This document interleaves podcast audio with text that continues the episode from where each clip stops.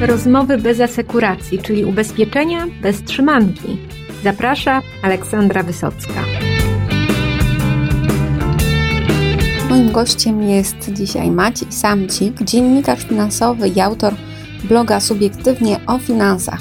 Porozmawiamy o tym, jak dzisiaj ludzie kupują ubezpieczenia i szerzej usługi finansowe oraz o tym, co ubezpieczyciele powinni zmienić, żeby klienci postrzegali ich lepiej. Witam Cię Macieju. Umawialiśmy się w okolicy Forum Ekonomicznego w Krynicy, a to już nie wiem kiedy ten czas znowu przeskoczył. Jesteśmy, jesteśmy już w jakimś... Zmieściliśmy się przed następnym forum w Krynicy na szczęście, więc no, nie jest źle. Tak, tak, tak. Ale tam na tym forum, no, którym się tam różne rzeczy mówi, ale pojawił się temat całkiem interesujący i zastanawiam się, co ty stamtąd przywiozłeś. E, I też co, co sam obserwujesz, e, no pracując, ile ty lat e, o finansach już piszesz w internecie? Tak. No w internecie to pewnie będzie z 15. W ogóle to jest 22 albo 23. Już no. staram się nie liczyć, bo to frustrujące zaczyna być. E, no ale e, liczby w, w, czasach danych to, to mają znaczenie. Więc to jest big data. To, to, już, to już się robi w Twoim wypadku big data i tak ilość artykułów, ilość tematów, ilość produktów, które widziałeś, to jest dużo.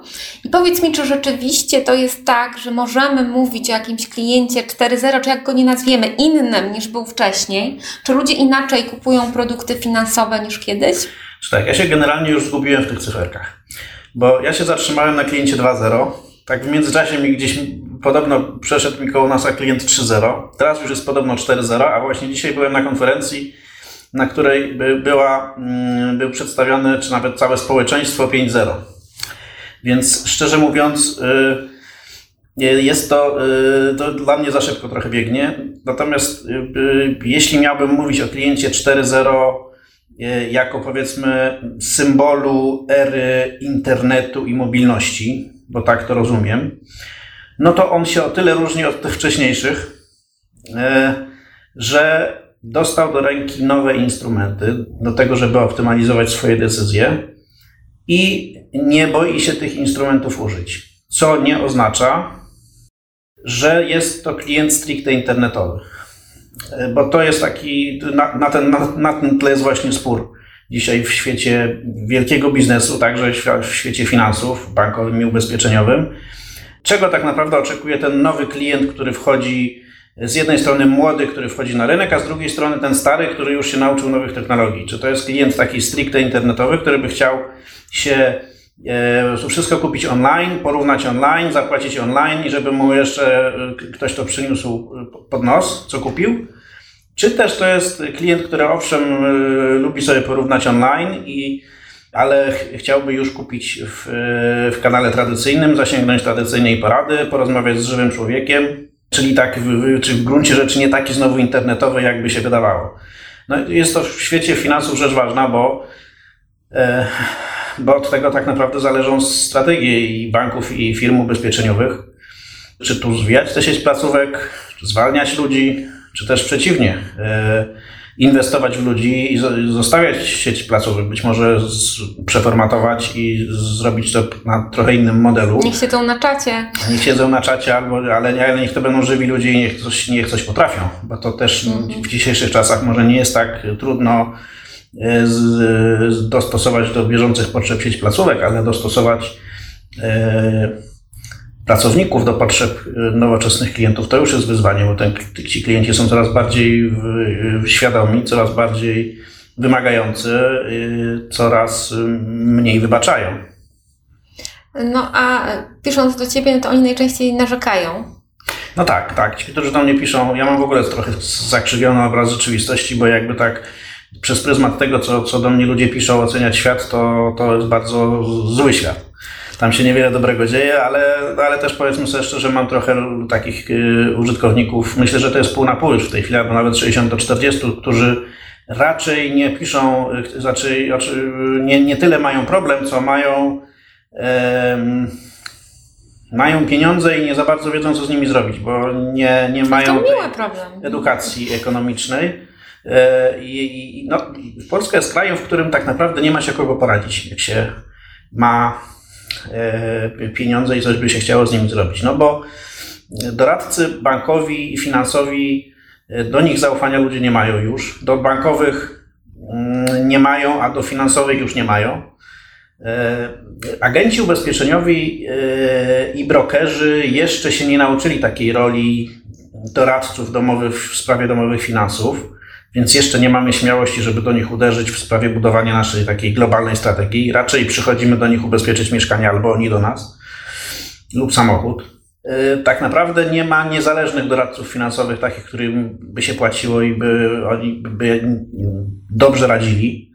Zostają dziennikarze, blogerzy, liderzy opinii, y, ale ich jest też stosunkowo niedużo. No i powiedzmy sobie szczerze, blogosfera też się trochę psuje. Już teraz coraz, coraz częściej y, jest tak, że, że i, i, i blogerzy mają bardzo silne nastawienie komercyjne i, i też nie są już w pełni niezależni. Więc yy, krótko mówiąc, yy, problem, który jeszcze kilkanaście lat, lat temu przychodzili do mnie głównie ludzie którzy, ludzie, którzy mieli problem z bankiem firmą ubezpieczeniową i nie byli w stanie sobie z tym poradzić. To już dzisiaj jest do ogarnięcia, bo jest rzecznik finansowy, jest UOKiK, jest KNF, który już nie dba wyłącznie o stabilność finansową kraju. E, jest lepsze prawo, są kancelarie, są stowarzyszenia, więc to, to, to, tu jest dróg wiele, natomiast e, pojawił się nowy problem, nie ma się komu kompetentnie e, poradzić, jak jeśli ktoś ma pieniądze i nie wie, co z nimi zrobić. No, ciekawa jestem, jaka to część naszego społeczeństwa jest w tej szczęśliwej sytuacji, bo, bo znaczna część w swoim mniemaniu tych no, pieniędzy nie ma, tak? No, tak, znaczy to u mnie to jest mniej więcej pół na pół, ci co mają i co, nie mają. Natomiast myślę, że w społeczeństwie to jest, y, myślę, 25% ludzi ma już takie pieniądze, że, że jest y, sens się zastanawiać, co z nimi zrobić.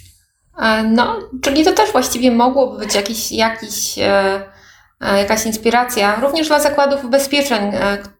Tak, z całą pewnością. Znaczy ja mam, ja bardzo jestem zwolennikiem takiej tezy, że e, agent ubezpieczeniowy to jest dzisiaj tak naprawdę mm, człowiek pierwszego wyboru dla takiego przeciętnego konsumenta, który chciałby, y, żeby mu e, ogarnąć świat domowych finansów. To znaczy, my się na pieniądzach nie znamy za bardzo i e, nikt nas nie nauczył liczyć pieniędzy i nikt nas nie nauczył, jak się nie dać, jak liczyć procenty, jak e, odróżnić tani kredyt od drogiego kredytu, jak dobrą lokatę od złej lokaty. My się tego wszystkiego dopiero uczymy. I wydaje mi się, że agenci ubezpieczeniowi i brokerzy to są ludzie, którzy mogliby być takimi e, doradcami e, w, dom- w świecie domowych finansów i niektórzy, niektóre, niektóre firmy już tak funkcjonują, ale nie jest to wciąż powszechne, bo też wiem, że, że agenci ubezpieczeniowi niechętnie biorą na siebie taki ciężar, żeby próbować się uczyć się nie tylko pro, pro, produktów ubezpieczeniowych i usług ubezpieczeniowych, ale też e, ogólnie świata finansów. To jest też dla nich, powiedzmy, nowe doświadczenie i nie każdy, jak ktoś żyje dobrze ze sprzedaży ubezpieczeń, to, to niekoniecznie ma ochotę e, rozszerzać swoją działalność. A moim zdaniem to nie jest zły pomysł, biorąc pod uwagę to, że właśnie jest luka rynkowa i, e, i takich ludzi w, w, w Polsce brakuje. No, niektóre towarzystwa, szczególnie te o korzeniach brytyjskich albo amerykańskich, no to mają taki model life planningu, tak? Gdzie, tak. gdzie cała, cała, całe spotkanie z klientem zaczyna się od takiej analizy finansowej, e, ile mamy, tam ile zarabiamy, jaki mamy potencjał do oszczędzania, jakie mamy cele finansowe długoterminowe. No i to jest już taki teraz wsparte prawem, gdzie no jest obowiązek przeprowadzenia tej analizy potrzeb i właściwie oferując pewne produkty, my jako agenci no nie możemy nie zapytać y, o pewne tematy. Tak. No to oczywiście już dzisiaj prawo wymaga, żeby zbadać preferencje klienta, ale pytanie, co jest na końcu tej porady. No jak już wszystkie papiery są wypełnione y, i wszystkie wymogi formalne y, są wypełnione, to są dwie opcje. Albo wchodzi jakaś rzeczywiście indywidualna strategia budowania bezpieczeństwa finansowego i zamożności, danej osoby, danej rodziny, albo wchodzi po prostu produkt ubezpieczeniowy, który e, jest takim wielkim kombajnem, do którego się te wszystkie potrzeby podobno wrzuca i on ma ten kombajn wszystkie je zaspokoić. I wydaje mi się, że kończy się era takich właśnie wielkich wypasionych produktów ubezpieczeniowych, takich e, pakietów, które są od wszystkiego raczej Wydaje mi się, że taki nowoczesny life planner będzie starał się zaproponować swojemu podopiecznemu, swojemu klientowi, czy powinien tak robić, raczej jakiś pakiet kilku produktów ubezpieczeniowych, inwestycyjnych, lokacyjnych, które są dostosowane do jego potrzeb. No, w większości firm ubezpieczeniowych jeszcze takiego podejścia nie ma i, i na koniec tej analizy potrzeb, która jest oczywiście raz po pierwsze potrzebna, po drugie wymagana prawem, wjeżdża produkt y, ubezpieczeniowy starej generacji. No, czyli nieważne, co powiesz w analizie i tak jak w dowcipie Jasiu dostajesz na końcu smalec. Tak, albo jest bardziej posolony, albo mniej posolony. Tak jest Ale odpowiedź na wszystkie problemy. No a tutaj zbliżamy się też do takiego świata tych ekosystemów, gdzie e, no nie tylko te produkty ubezpieczeniowe, tylko są produkty bankowe, jest jeszcze pewnie szereg innych, o których na szczęście lub nieszczęście nie ma pojęcia. No można też klientom raz do roku wysłać po prostu skarpetkę na Boże Narodzenie z kartką oszczędzajcie w przyszłym roku. E, jako taką metodę analogową, może jest lepsza od żadnej. Trudno powiedzieć. No ale mówiąc o oszczędzaniu, no to e, może przejdziemy troszkę do tematów PPK, bo o tym oszczędzaniu zaczęło się mówić więcej niż zwykle właśnie przy okazji kampanii rządowej. E, i nie tylko, również różnych graczy z rynku finansowego, towarzystw inwestycyjnych czy, czy emerytalnych. E, no i powiedz mi, jak Ty w ogóle oceniasz, e, czy jest szansa, że my bardziej zaczniemy oszczędzać po tym wszystkim, czego się nasłuchamy, naczytamy o PPK? Tak szczerze mówiąc, wydaje mi się, że to PPK jest trochę obok tematu oszczędzania, bo PPK to po prostu jest taki automat, który nam rząd chce włączyć wszystkim hurtem. E, I oczywiście część sobie da go włączyć, część y, powie, że sobie tego nie życzy, ale to nie jest moim zdaniem taki driver, który nas nauczy tak z dnia na dzień, e, czy zwiększy naszą skłonność do oszczędzania. To, to myślę, że to jest kwestia kilku lat. E, musiałoby się okazać, że to PPK jest na tyle świetnym produktem finansowym, na tyle świetną usługą, że Polacy in gremio stwierdzą, że już nie chcą jeździć na wakacje tak często, już nie chcą sobie kupować tak dobrych samochodów, już nie chcą inwestować w tak drogie mieszkania, tylko chcą oszczędzać, żeby w innych kieszeniach tych oszczędności było tak fajnie jak w tym PPK. No i y, to myślę, że jest możliwe, ale jest możliwe najwcześniej za kilka lat. Na dziś wydaje mi się, że PPK jest po prostu taką jazdą obowiązkową, którą niektórzy zniosą, niektórzy jej nie będą w stanie strawić, ale ona nie, nie, nie, nie, nie spowoduje zmiany naszych podstaw yy, yy, oszczędnościowych i takiej skłonności do oszczędzania w ogóle. To się musi ustać, to musi potrwać kilka lat, to musi przynieść wymierne efekty i wtedy i wtedy być może coś się zmieni. Natomiast nie przewiduję, żeby w najbliższych 12 czy 18 miesiącach Polacy uszczęśliwieni programem PPK rzucili się do oszczędzania. Natomiast no, ja długoterminowo wierzę w, w, w, powodzenie tego przedsięwzięcia, bo wydaje mi się, że nie ma lepszego sposobu na oszczędzanie niż takie oszczędzanie w cudzysłowie bezmyślne, automatyczne, takie mm, o, o, o, zabieranie sobie kawałka pensji po to, żeby E, oszczędzać. Jeśli ktoś ma, ma taką w sobie skłonność i determinację, żeby, mm, żeby to robić samodzielnie, to ok, jemu PPK nie jest potrzebna, ale większość z nas niestety tego nie ma, więc to PPK na pewno się przyda. Natomiast czy zwiększy skłonność do oszczędzania? No myślę, że najwcześniej za kilka lat. No, tu wracamy do naszego klienta 4.0, czy on w ogóle e, planuje długoterminowo, czy on żyje tu i teraz, czy jednak ma świadomość, że kiedyś coś może mu się przydarzyć. No i widać, że być może te poważne zachorowania, jak nie wiem, raki, nowotwory, i, które są coraz bardziej powszechne, e, no to to już jest realna obawa Polaków, tak, że coś mi się stanie i co wtedy. Więc być może od tego można e, zacząć, długotrwałe pla planowanie. No tak, klient 4.0 to jest człowiek, który e, posiadł instrumenty do tego, żeby optymalizować swoje decyzje. I on optymalizuje te swoje decyzje. E, znaczy, jeśli już ma te instrumenty i może je optymalizować, to, to to mu też otwiera trochę horyzont, bo kiedyś było tak, że przychodził do mnie człowiek, nie wiem, bankowiec, ubezpieczyciel i proponował jakiś produkt.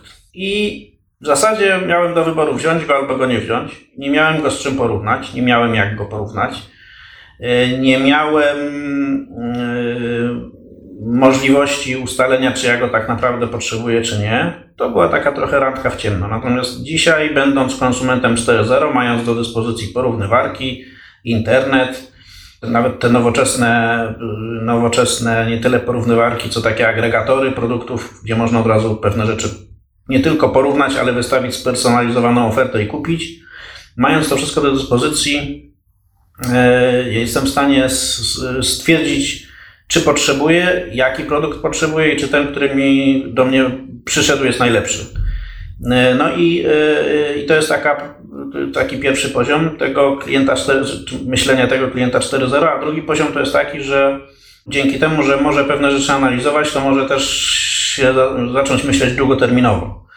To znaczy na kanwie różnych e, przypadków typu zachorowania w rodzinie, typu jakieś nieszczęśliwe wypadki, on może próbować zdefiniować taką długoterminową potrzebę, jedną, drugą, trzecią i spróbować ją zaspokoić w sposób w miarę efektywny. Dopóki nie mógł tego zrobić efektywnie, bo nie miał do tego instrumentów, to się nawet, nawet do tematu nie podchodził. A teraz, jak już ma instrumenty, żeby to spróbować efektywnie załatwić, no to przynajmniej zaczyna myśleć o tych długoterminowych y, kwestiach. Więc no w tym sensie rzeczywiście to, że on jest 4.0, ten klient, ma, może mieć wpływ na to, że, yy, że on też zaczyna myśleć bardziej długoterminowo. Po prostu dostał do ręki instrumenty, które w tym długoterminowym myśleniu bardzo pomagają. No, pojawiły się e, w ubiegłym roku platformy do inwestowania o niskich kosztach, o takiej łatwości, e, czy analizy profilu ryzyka, czy tam jakichś nawet samodzielnych prób. Pewnie wiesz, o jakiej platformie mówię. Jaki, jaki jest odzew? Czy, czy masz, masz jakąś wiedzę, czy ludzie z tego rzeczywiście korzystają? No, o ile mi wiadomo, te platformy, które pozwalają bardzo łatwo inwestować pieniądze, tak w sposób automatyczny, one na razie nie, nie, nie są jakoś mega popularnym przedsięwzięciem, co wynika z faktu, że mm, one są oparte o fundusze inwestycyjne.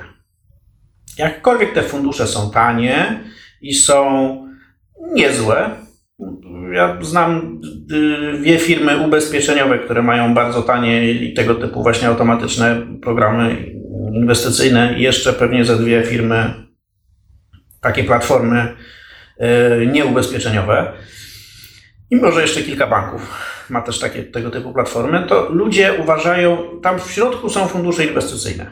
Ludzie uważają, że fundusze inwestycyjne są mm, drogie, są ryzykowne i nie bardzo rozumieją, co jest w środku. W związku z tym obawiają się wkładać pieniądze, swoje pieniądze do takiej czarnej skrzynki.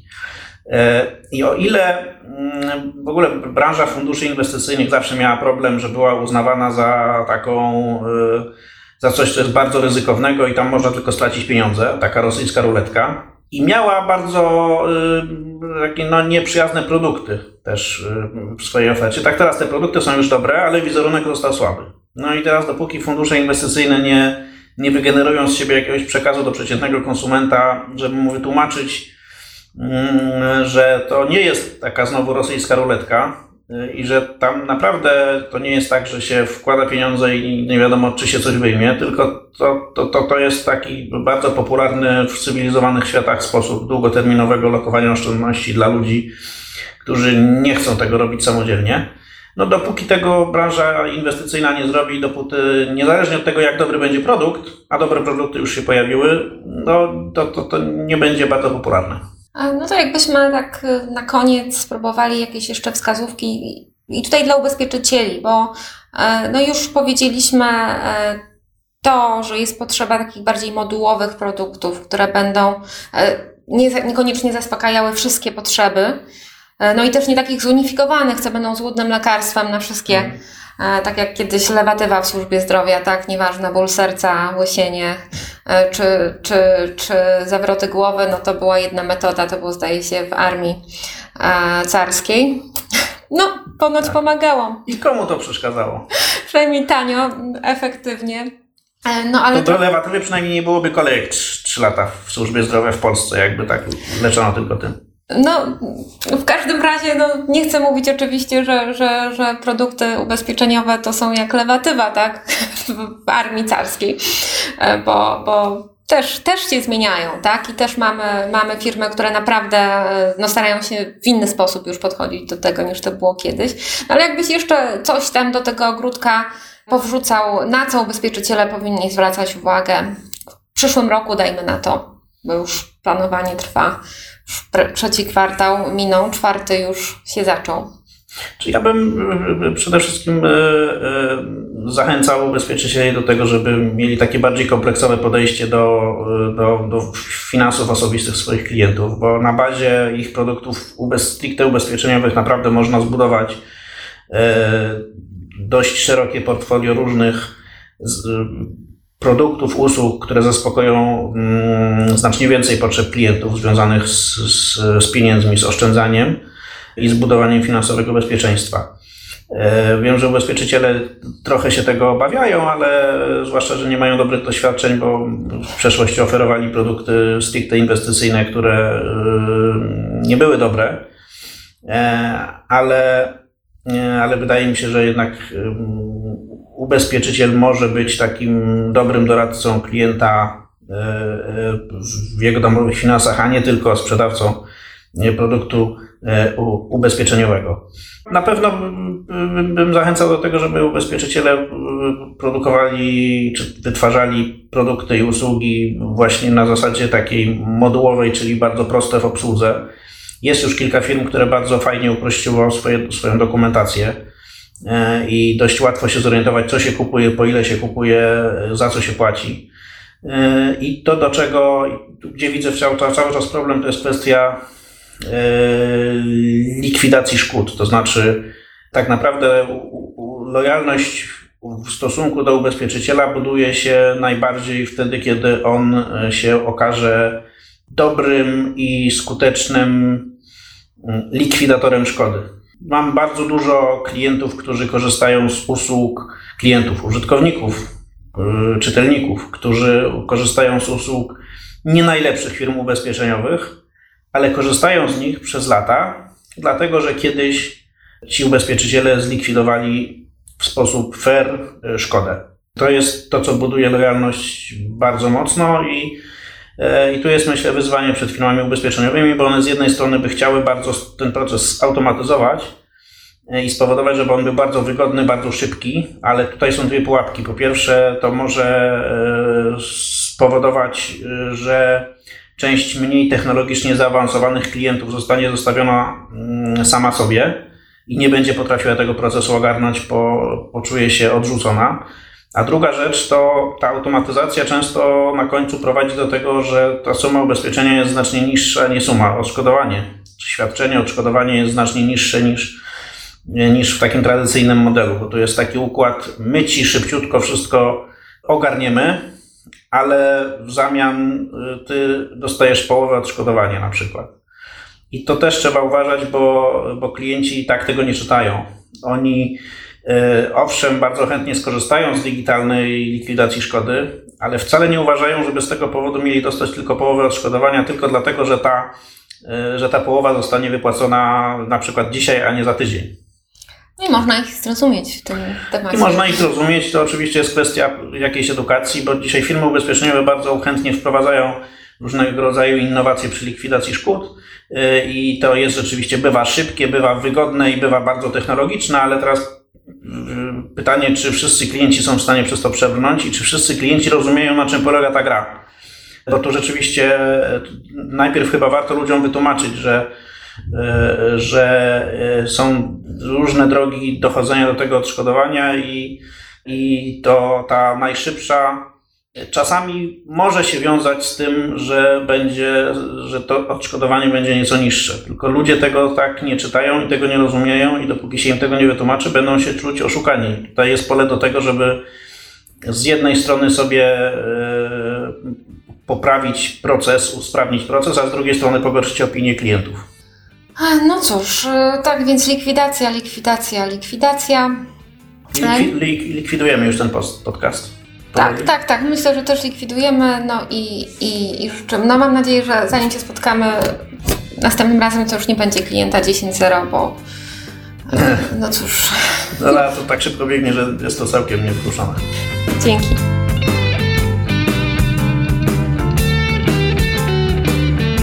Już niedługo wrócimy do tematu modeli zakupowych w ubezpieczeniach.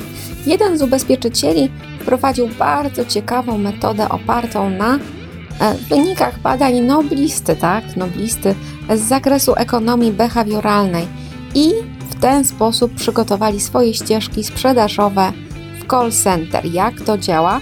O tym już bardzo niedługo w podcaście ubezpieczeniowym Rozmowy bez asekuracji. A ja bardzo Wam dziękuję za dzisiejsze spotkanie i do usłyszenia w przyszły wtorek.